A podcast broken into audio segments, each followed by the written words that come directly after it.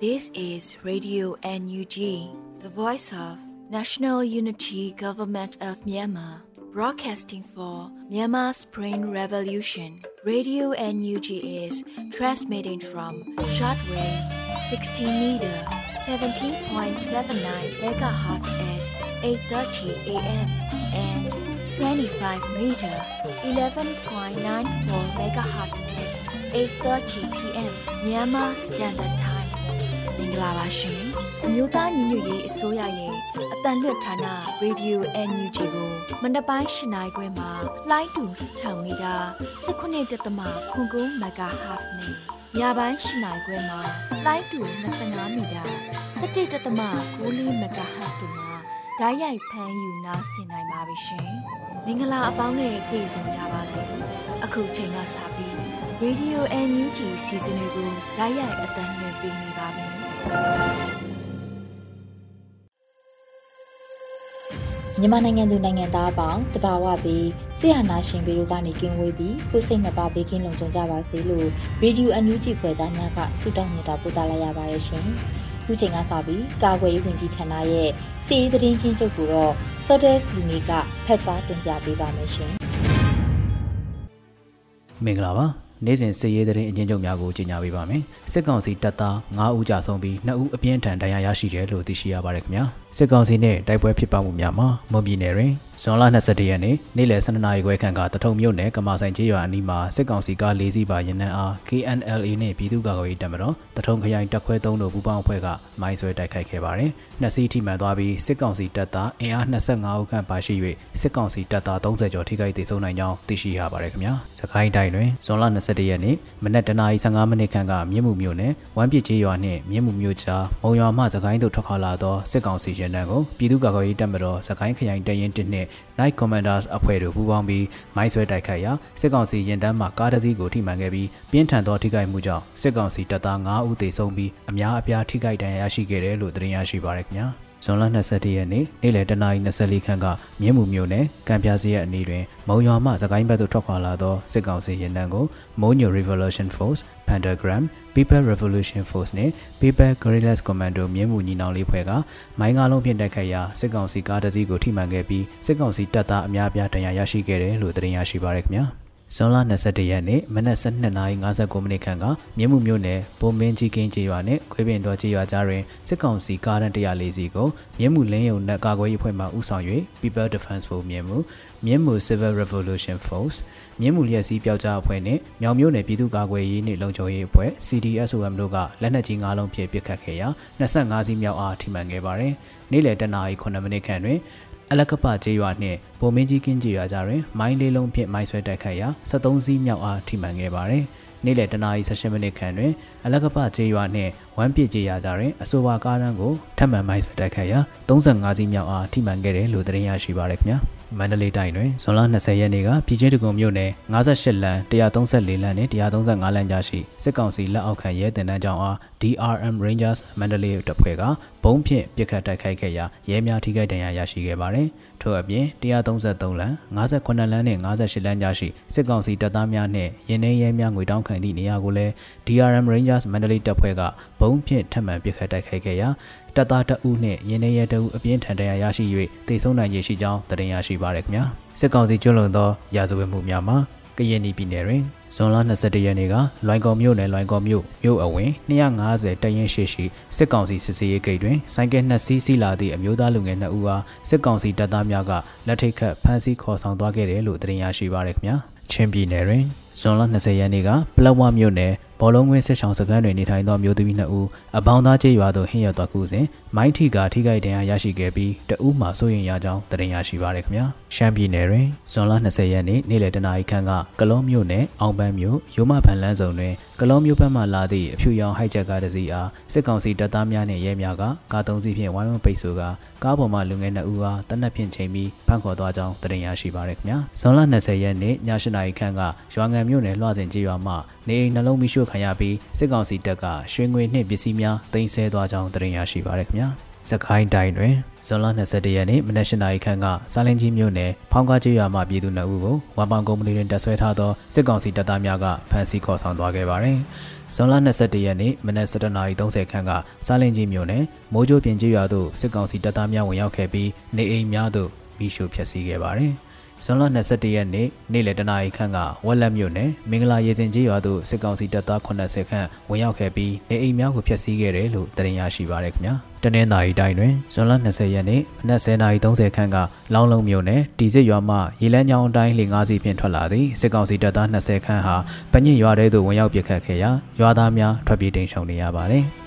မနက်7:05မိနစ်ခန့်ကဒီစစ်ရာတွင်စစ်ကောင်စီတပ်သားများကအမျိုးသမီး2ဦးနှင့်အမျိုးသား3ဦးကိုဖမ်းဆီးပြီးဆက်လက်ဖြင့်ထောက်ခွာသွားခဲ့ပါသည်။စစ်ကောင်စီတပ်သားများလောင်းလုံမြို့ပေါ်တွင်လည်းဗီဂိုကားနှစ်စီးဖြင့်နှီးစက်ရအိမ်များကိုဝင်ရောက်စစ်ဆေးကာပြည်သူတအူးအားဖမ်းဆီးထားရှိခဲ့တယ်လို့သတင်းရရှိပါရခင်ဗျာ။ဇွန်လ20ရက်နေ့ညနေ6:55ခန့်ကလောင်းလုံမြို့နယ်ပညစ်ရွာတွင်စစ်ကောင်စီတပ်သားများဝင်ရောက်လာပြီး ရွာသားများအဖမ်းဆီးကပြည်သူပိုင်အိမ်များကိုမိရှုဖျက်ဆီးခဲ့ပါတယ်။ပညစ်ရွာနဲ့အနီးတစ်ပိုက်တွင်လည်းပြည်သူ80ခန့်ထွက်ပြေးတင်းရှောင်နေရတယ်လို့သတင်းရရှိပါရခင်ဗျာ။ယခုသတင်းများကိုမြေပြင်သတင်းတာဝန်ခံများနဲ့သတင်းဌာနများမှဖော်ပြလာသောချက်လက်များပေါ်အခြေခံပြုစုထားခြင်းဖြစ်ပါတယ်။ကျွန်တော်သတင်းကြေညာသူ Sordes လူနေဖြစ်ပါရခင်ဗျာ။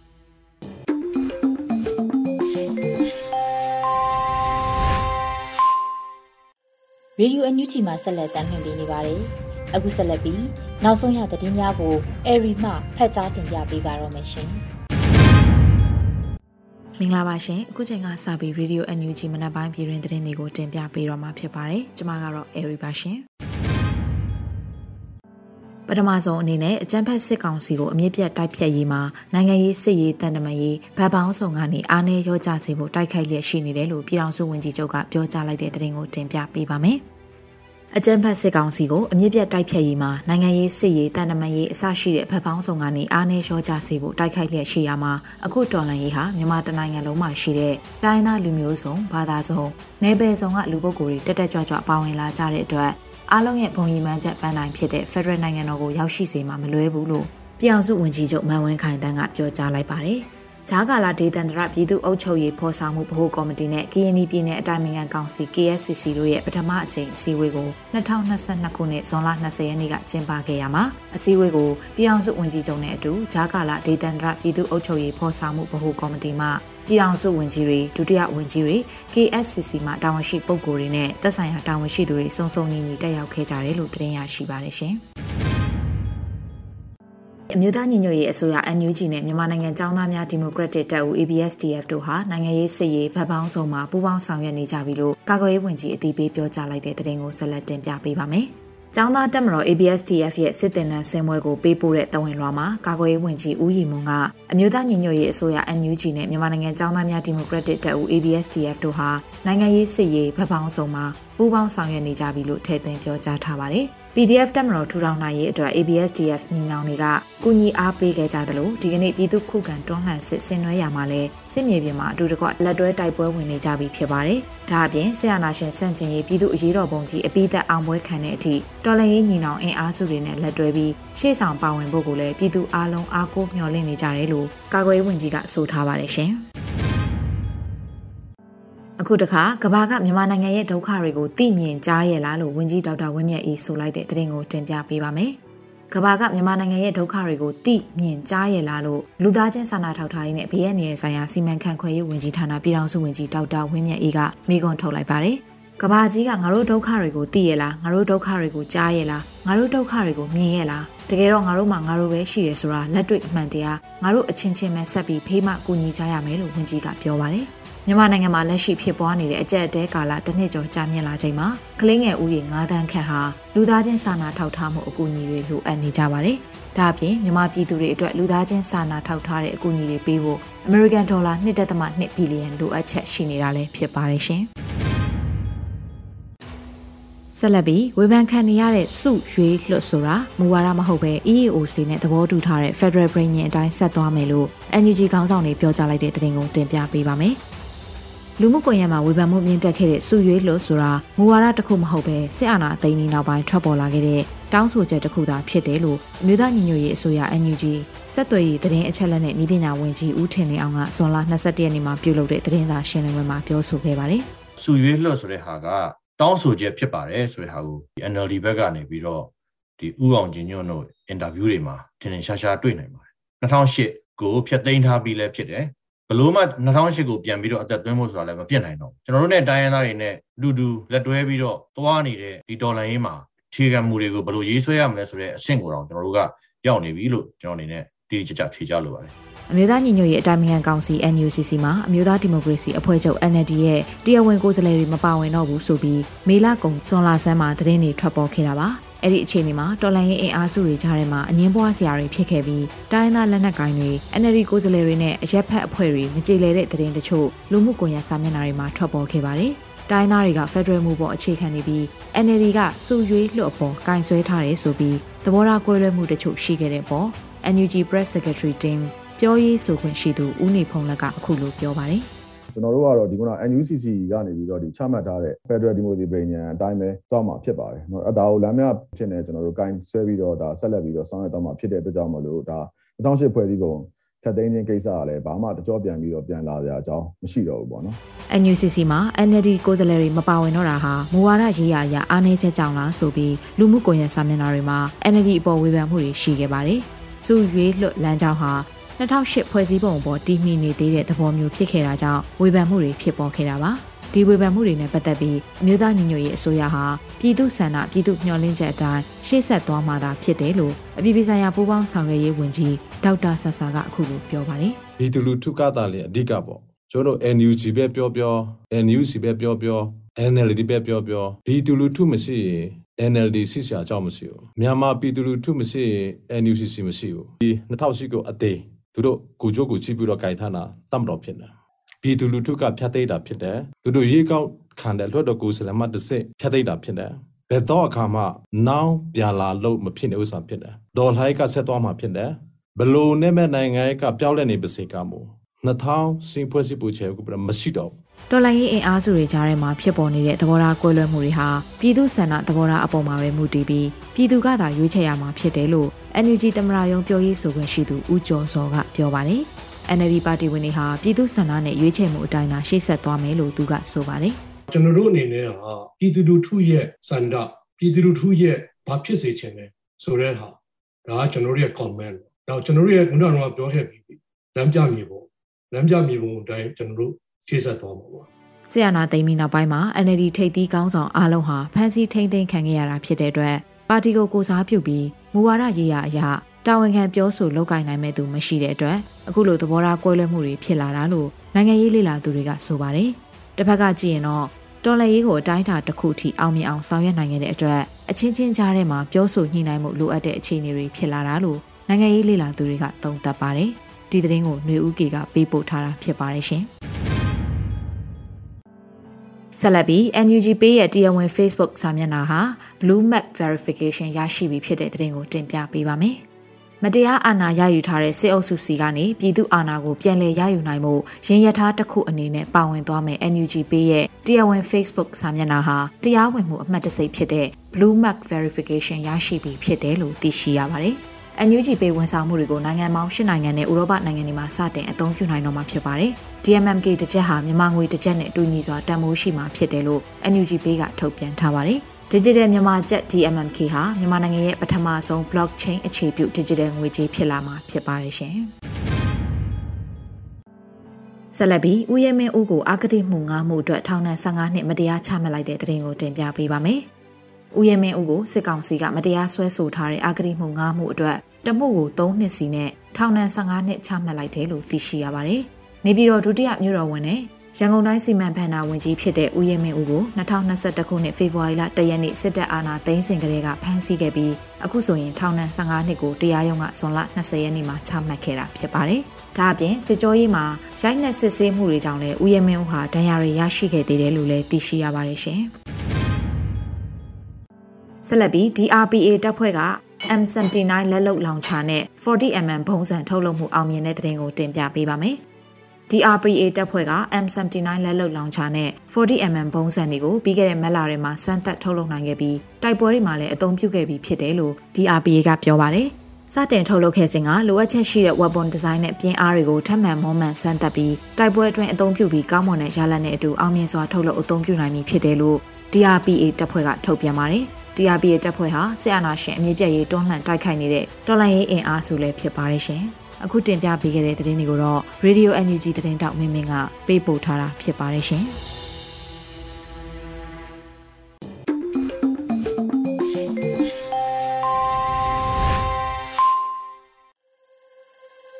ရေဒီယိုအန်ယူဂျီရဲ့စီစဉ်တွေကိုဆက်လက်တင်ပြနေပါတယ်။ ဒီနေ့ရဲ့တော်လှန်ရေးတေဂီတာစီစဉ်မှာတော့တေးရီတွေးဆူ Judge က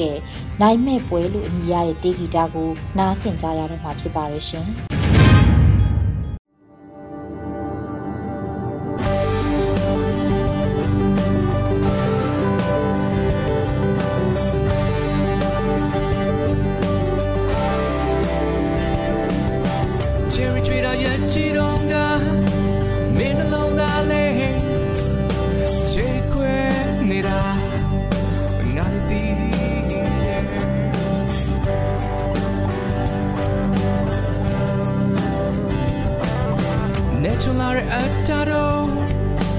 ချီဆိုတော့က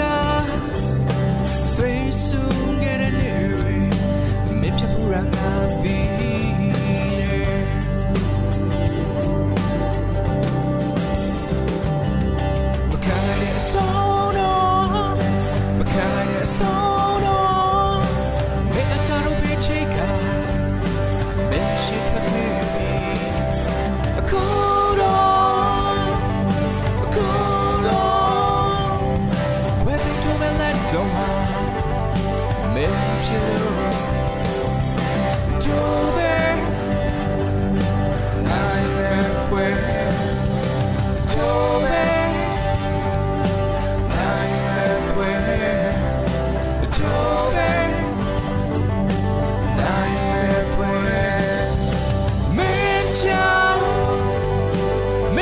家。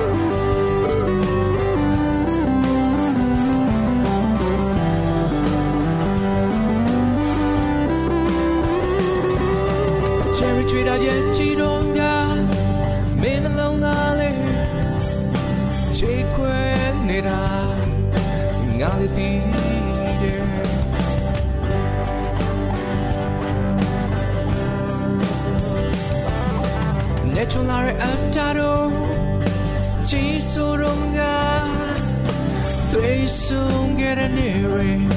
မင်းဖြစ်ဖို့ရငါတည်တယ်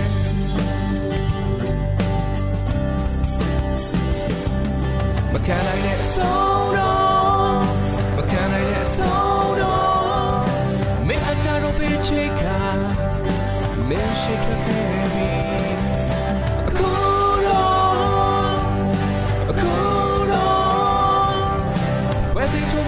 so high မင်းဖြစ်လို့ told me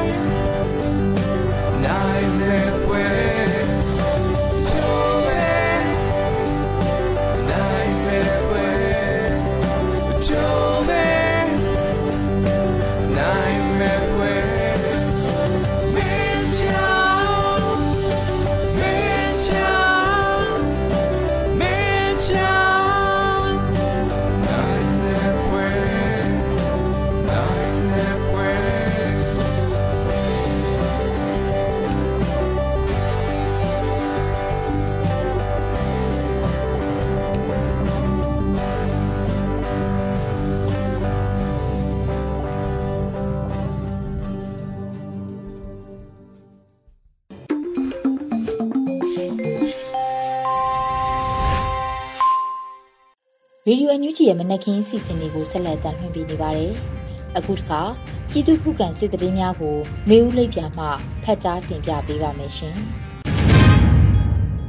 ပထမဆုံးအနေနဲ့ပေါ့မြို့နယ်တွင်စစ်တပ်နှင့်ကာကွယ်ရေးတပ်ဖွဲ့များနှစ်ရက်ဆက်တိုက်တိုက်ပွဲဖြစ်ပွားပြီးစစ်သား5ဦးသေဆုံးတဲ့တဲ့တင်ဆက်ပါမယ်။မကွေးတိုင်းပေါ့မြို့နယ်တွင်အကြမ်းဖက်စစ်တပ်နှင့်ဒေသခံကာကွယ်ရေးတပ်ဖွဲ့များဇွန်လ16ရက်နေ့18ရက်နေ့တို့တွင်တိုက်ပွဲများဆက်လက်ဖြစ်ပွားခဲ့ပြီးစစ်သား5ဦးသေဆုံးခဲ့ကြောင်းပေါ့မြို့နယ်ပြည်သူ့ကာကွယ်ရေးတပ်မတော်တရင်6တပ်ဖွဲ့ထံမှသိရှိရပါသည်။ ဇွန်လ16ရက်နေ့တွင်တောင်မြင့်ကျေးရွာသို့ဦးတည်လာသောအကြမ်းဖက်စစ်တပ်စစ်ကြောင်းနှင့်ပေါ့မြို့နယ်ပြည်သူ့ကာကွယ်ရေးတမတော်တရင်6 SLNL PDF တပ်ဖွဲ့တို့ထိတွေ့တိုက်ပွဲဖြစ်ပွားခဲ့ကြောင်းသိရှိရတာပါဇွန်လ18ရက်နေ့တွင်တောင်မြင့်ကျေးရွာမှရွာသား2ဦးစစ်တပ်ကဖမ်းဆီးပြီးကြားပစ်ကန်ကျေးရွာကိုလမ်းပြအဖြစ်ခေါ်ဆောင်သွားကြောင်းထို့နောက်ကျေးရွာတွေကိုလက်နက်ကြီးများဖြင့်ပစ်ခတ်ပြီးဝင်ရောက်စီးနင်းခဲ့ကြောင်း ထိုမှတဆင့်စစ်ကြောင်းသည်တင်ညီနောင်ရွာကိုစစ်ကြောင်းထိုးစဉ်ရွာအဝင်တွင်မိုင်းဆွဲတိုက်ခိုက်ခဲ့ကြောင်းမိုင်းဆွဲတိုက်ခိုက်ခံရပြီးနောက်စစ်တပ်နှင့်ကာကွယ်ရေးတပ်ဖွဲ့များလက်နက်ကြီးများဖြင့်အပြန်အလှန်ပစ်ခတ်တိုက်ခိုက်ခဲ့ပြီးစစ်တပ်ဘက်မှလေကြောင်းပစ်ကူများရောက်ရှိလာသောကြောင့်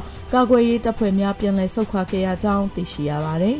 အဆိုပါနှစ်ရက်တာတိုက်ပွဲအတွင်းစစ်တပ်ဘက်မှစစ်သား5ဦးသေဆုံးပြီးပေါ့မြို့နယ်ပြည်သူ့ကာကွယ်ရေးတပ်မတော်တရင်6 SLNL PDF တပ်ဖွဲ့တို့အထီးကိုင်းမရှိပြန်လည်ဆုတ်ခွာနိုင်ခဲ့ကြောင်းသတင်းရရှိပါရရှင်။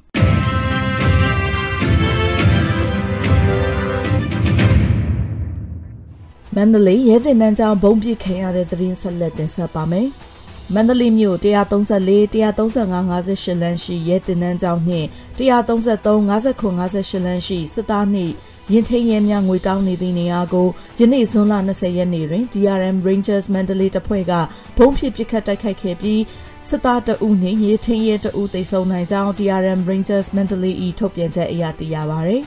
ရဲတင်တန်းကျောင်းကို DRM တပ်ဖွဲ့ကဘုံဖြစ်ပစ်ခတ်တိုက်ခိုက်ခဲ့သောဖြစ်စဉ်တွင်ရဲများထိခိုက်ဒဏ်ရာရရှိမှုရှိတော်လဲတေဆုံးမှုအရေးအတွက်ကိုအတိမပြုနိုင်သေးကြောင်းသိရှိရပါသည်။ စစ်သားနဲ့ရင်ထင်းရဲများငွေတောင်းခံနေသောနေရာကိုဘုံဖြင့်ပစ်ခတ်တိုက်ခိုက်ခဲ့သောဖြစ်စဉ်တွင်စစ်သားတအုပ်နှင့်ရင်ထင်းရဲတအုပ်အပြင်အထံတိုက်ခိုက်ထိခိုက်ဒဏ်ရာရရှိခဲ့ပြီးတေဆုံးနိုင်ခြင်းများကြောင်း DRM Rangers Mandalay တပ်ဖွဲ့ကထုတ်ပြန်ထားတာပါ